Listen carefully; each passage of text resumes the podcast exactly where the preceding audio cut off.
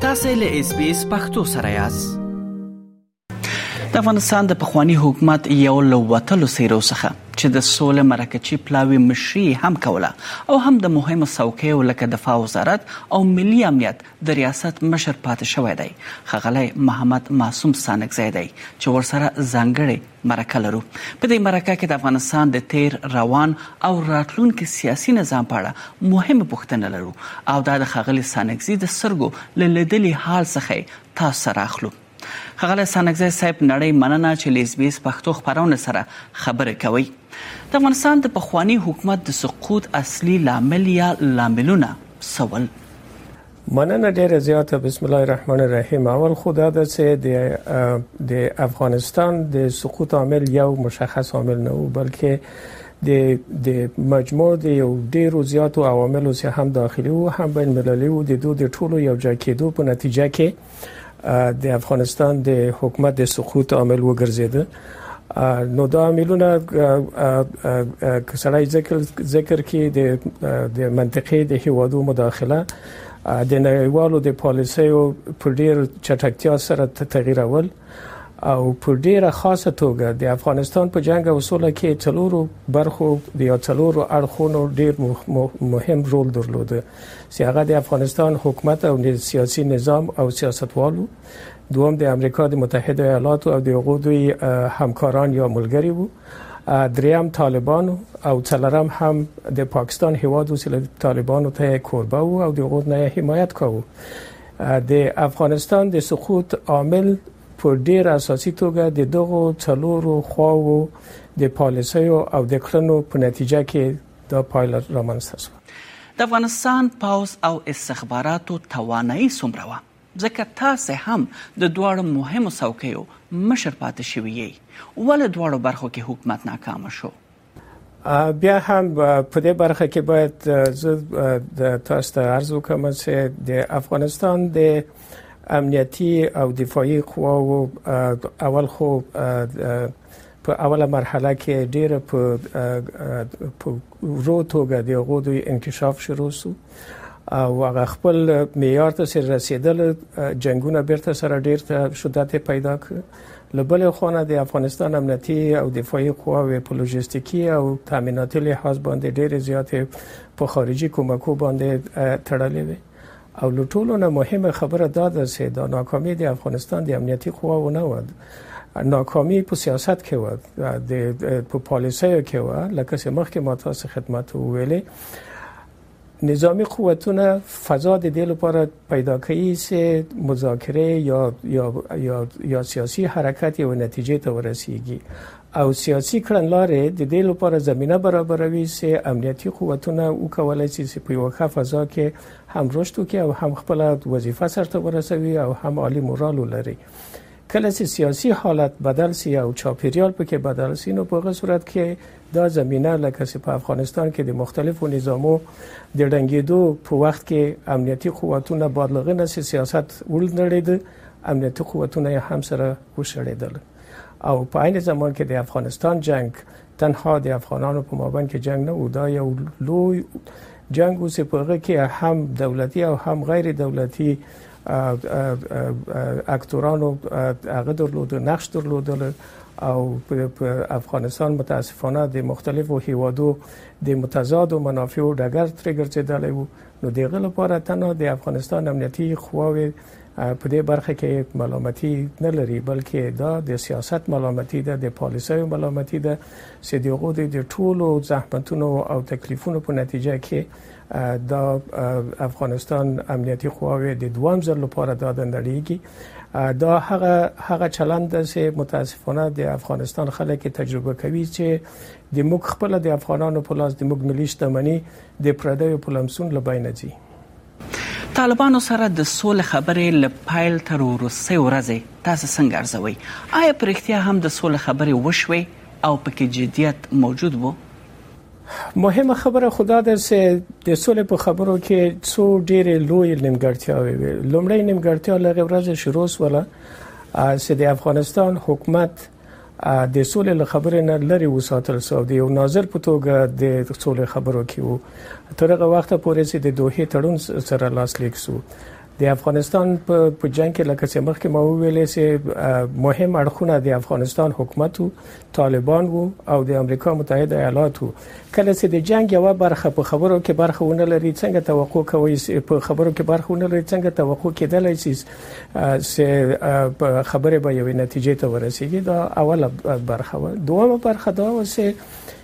د دوحې په خپل په تړون کې یو لوی او لوی او سترې نیمګړتیاوې په دې هم وجود درلود چې په نړۍ کې هیڅ د سولې داسې پروګرام وجود نه لري یا داسې خبرې نشته چې د پایل تاریخ معلومه او د او مخکې لدې نه چې هغه لازم شرایط ورته یا شروط ورته یې خودل سوي او دغه شرایط په نتیجه کې خدای دې وکړي چې په یوې میاشت کې په دوه میاشتو کې او یا یو کال کې یو لغنه په زیات نتیجې ته ورسیږي خو په دې په دې هغه کې خبرو کې هم شروع معلومه و هم ختم معلومه او دغه شرایط سه باید دغه شرایط مطابق سه ترڅو خبرې نتیجې ته ونه رسیږي نظامی عمل به نه کیږي هغه هغه مراد نسو درېمه ډیره عمده برخه او بخې درېمه عمده برخه په دې کې وسه د دوه تړون څلور برخه درلودي یا اساسي برخه درلودي سبا خارجي پوزونه ووزي د بین المللي تروریستي ګروپو ته اجازه ورنکړل سي چې افغانستان نه بیا دوباره فعالیت وکړي او یا لغو سره ارتباطات هغه سي وشکول سي یو دایمي اوربند تامین سي او د افغانانو په منځ کې یا د بین الافغاني خبرو په نتیجه کې په یو هر اړخیز سیاسي او او د مشارکت په چوکاټ کې هوکړې ته ورسیږي تنها د خارجي قوتو وتل وسول د درې نورې برخې په خپل ځای پاتې شوې د پخوانی حکومت سقوط څخه څو میاشتې مخکې پله پس طالبانو له تاسو سره یعنی حکومت سول خبرو پلاوی سره له خبرو کولو ډډه کوله آیا تاسو په دې نتیجه ونه رسیدلای چې نور باید وروسي آپشن باندې فکر وکړئ کوم په یاد وي د افغانستان او د نړۍ مطبوعات تاسو وګورئ د موږ د مذاکراتي ټیم په خپل وخت سره هم د افغانستان حکومت هم د افغانستان د سیاسي مشرانو او همدا راز د پارلمان غړو او د مدني ټولنو غړو سره په وار وار باندې دا بحثونه کړي دي چې کله چې سیاستونه په مخصوصا د 2000 شلم تر 2021 کال پورې دا مختلف سناریوگان را منستس ولی او مخصوصا با لدین از انتخابات پر متحده ایالات و امریکا که اوس ول او حالت نوی رئیس جمهور او تاکل سو بیا د د د پالیسی مرور شروع سو او په دې برخه کې د په دې برخه کې دا خبره بيخي وځندې ده او د تاسو سوال ډیر په جای ده موږ دا خبره په ډیر تفصیل سره د وخت مشرانو ته کړې دي او ورته رسولې وي چې دا خبره بر نتیجې ته ونه رسیږي مګر دا چې یو قوي اراده او عزم وي او موږ باید د د بد حالت لپاره باید آمادگی د دې لپاره ونیسو موږ نو په هغه وخت کې په دوحه کې وو ځینې تدابیر نیول شوی وو متاسفانه د افغانستان په افغانستان کې مو کله کله ډیر زیات اعتبار او اعتماد په دوست بهرنۍ دوستانو کړی دا او دا اعتماد بل اخر نتیجه دا شوی دا چې په خپل خو نه یو درېدلی او مشکل دا یو لوی مشکل دی موږ په دې څلويخ کلنه دوره د افغانستان کې د افغانستان پخواني ولسمشر ښاغلي غني وروستۍ مرکه کې د امریکا پر خپلو وعدو نه درېدل یاد کړي دي کله چې تاسو هم دغه وعدې په عمل کې ونه لیدلې ولې مو دا موضوع له عامو افغانانو سره په ښکاره ډول شریکه نه کړه د سیده صاحب دا موضوع خو ګرچې په افغانستان کې خو د مطبوعاتو ازادي لږه تاسو ته معلومه ده چې په ډیره پراخه پیمانه باندې خلکو خپل نظرات ورکول د حکومت له چارواکو نه پښتنې کولې له سیاسي مشرانو نه پښتنې کولې په دې برخه کې بحثونه ډیر زیات وسول دا مشکل هم په سیاسي سیستم کې وو هم په حکومت کې وو هم د فساد برخه و او هم د نړیوالو د سیاست او د منطقې د سیاست یو لوی برخه و چې د سولې لپاره دا دا ټول هلې ځلې د دې لپاره اوسې قواوي وویستل سي اما د دې لپاره چې واقعا په افغانستان کې یو تلپاتې سولې رامنځته شي د دې متضادو ګټو او د مختلفو هیوادو د تفاوتونو په نتیجه کې متاسفانه دا ناورین رامنځته شو په دې کې ما مخکې هم ویل چې یو خو نسی ملامتې دلای په دې کې دغه څلور برخې خو په ډیره جدي توګه ملامت دي د دې لپاره چې د افغانستان د خلکو غوښتنو ته غوږ کې نه خود آیا د افغانستان په خوانی حکومت رنګېدو وروسته تاسو له طالبانو سره اړیکې نیولې دي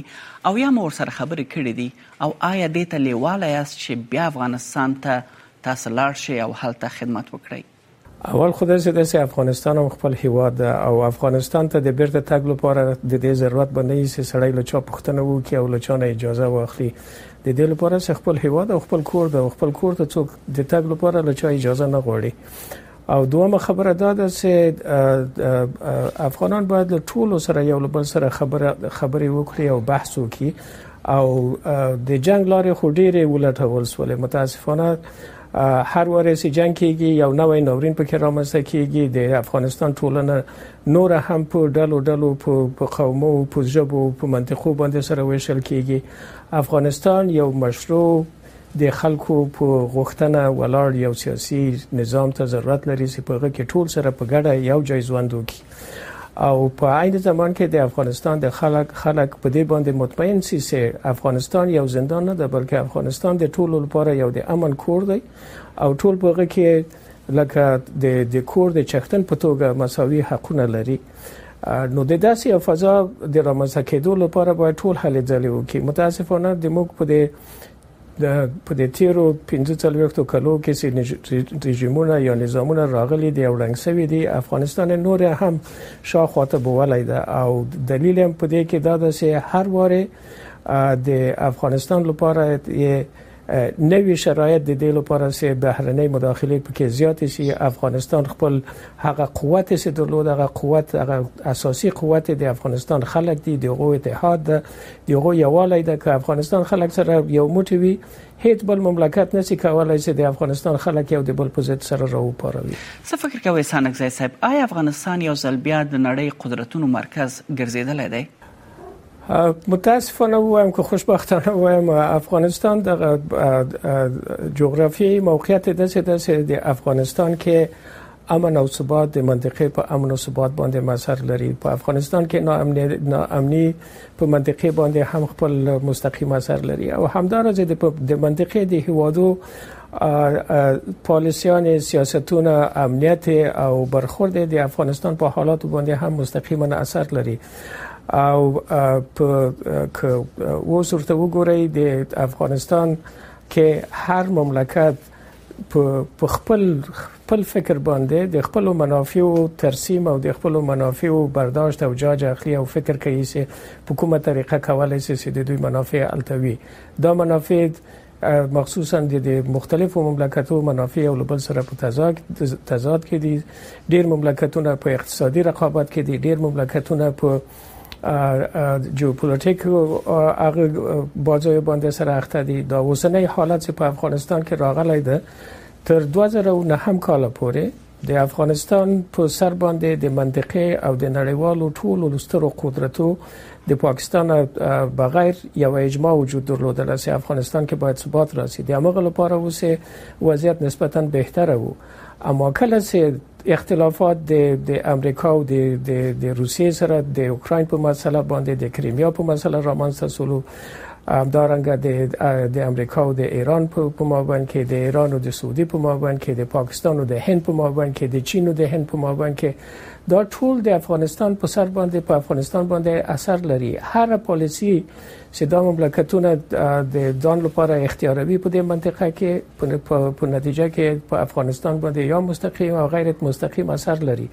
خو نړیوالو ته او مخصوصا د موږ گاونډیو ته دا په کار ده چې خپل پالیسي باندې لسره کتنه وکړي او په خاصه توګه پاکستان لپاره دا په کار ده چې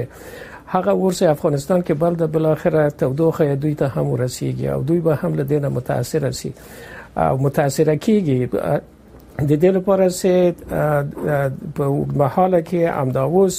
موږ اثرات د دې وینو چې یو تعداد کسان چې په جعلي توګه د طالب په نوم او د مفتی په نوم افغانستان ته را لګل کیږي دلته بحثونه کوي فتواوي ورکول ورکوي او بدون د نسې په اسلامي او شرعي مسایلو باندې په عمیق توګه پوه وي یا علم پې ولري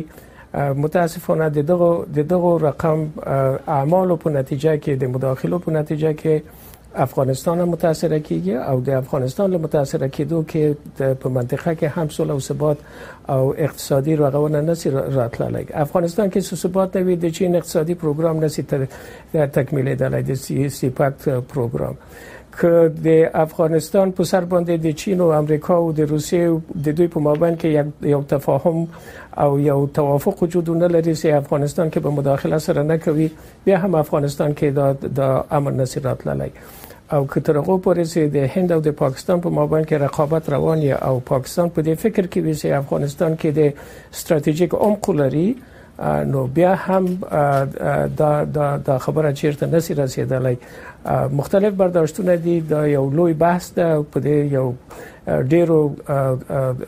محققانو تحقیقونه کړی دي او د دوه تحقیقو اخیری نتیجه دا ده چې دا پالیسیان د افغانستان په برابر باندې کار نه ور کوي مګر دا چې ټول په دې هوکړه وکړي چې د افغانستان د ثبات لپاره کومک وکړي د طالبانو حال او هم راتلونکی تاسو څنګه ګورئ؟ آیا دوی نویمې لسیزې ته بیرته ګرځي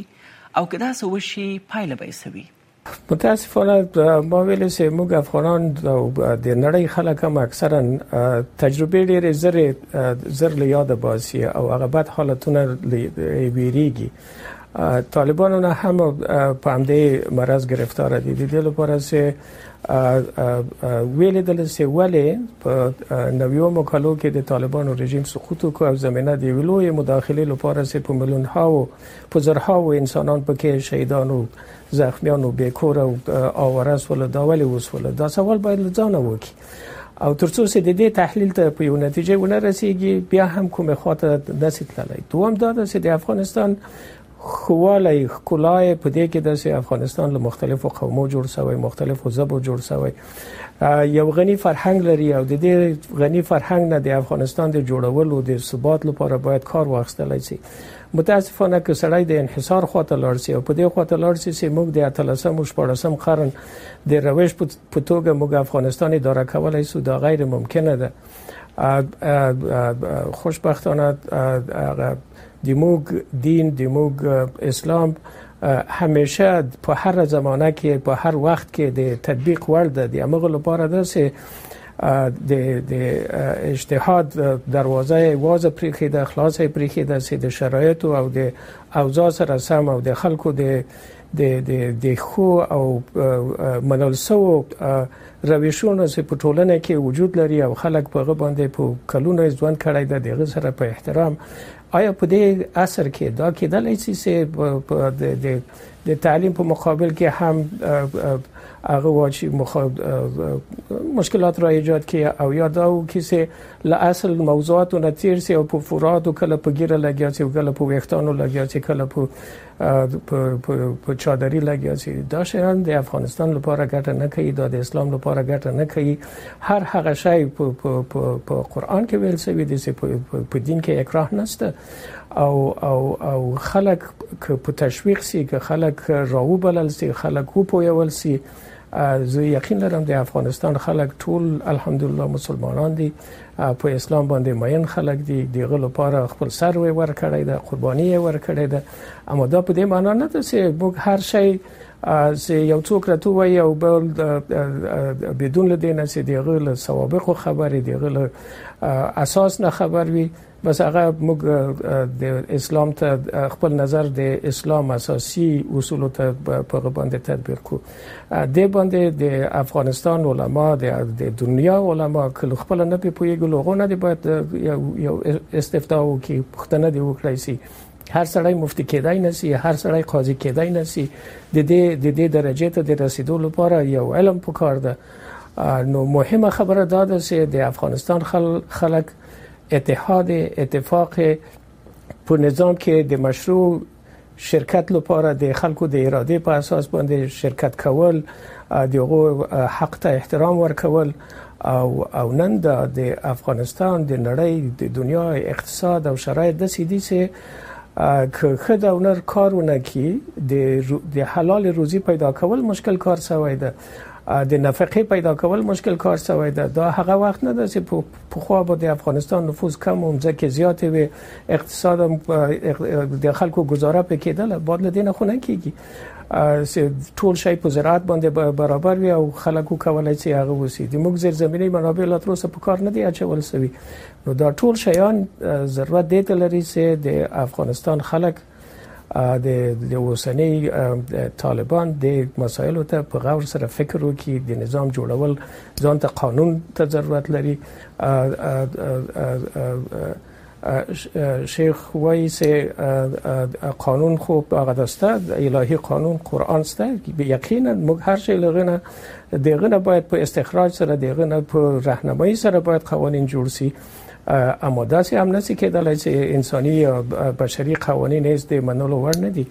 خو دغه قوانین چې دا برق جوړ شوی دی او موټر حرکت کوي دا فرمول چې جوړ شوی دی چې طیاره پرواز کولی کوي خدا خو انسانانو د د د الهي حکمت په اساس باندې انسانانو جوړ کړی دي نو موږ وایو چې دا فرمولونه هم غلطي باید ځتی ریاضي مونږ نه وایو فزیک مونږ نه وایو هیڅ کارونه کوو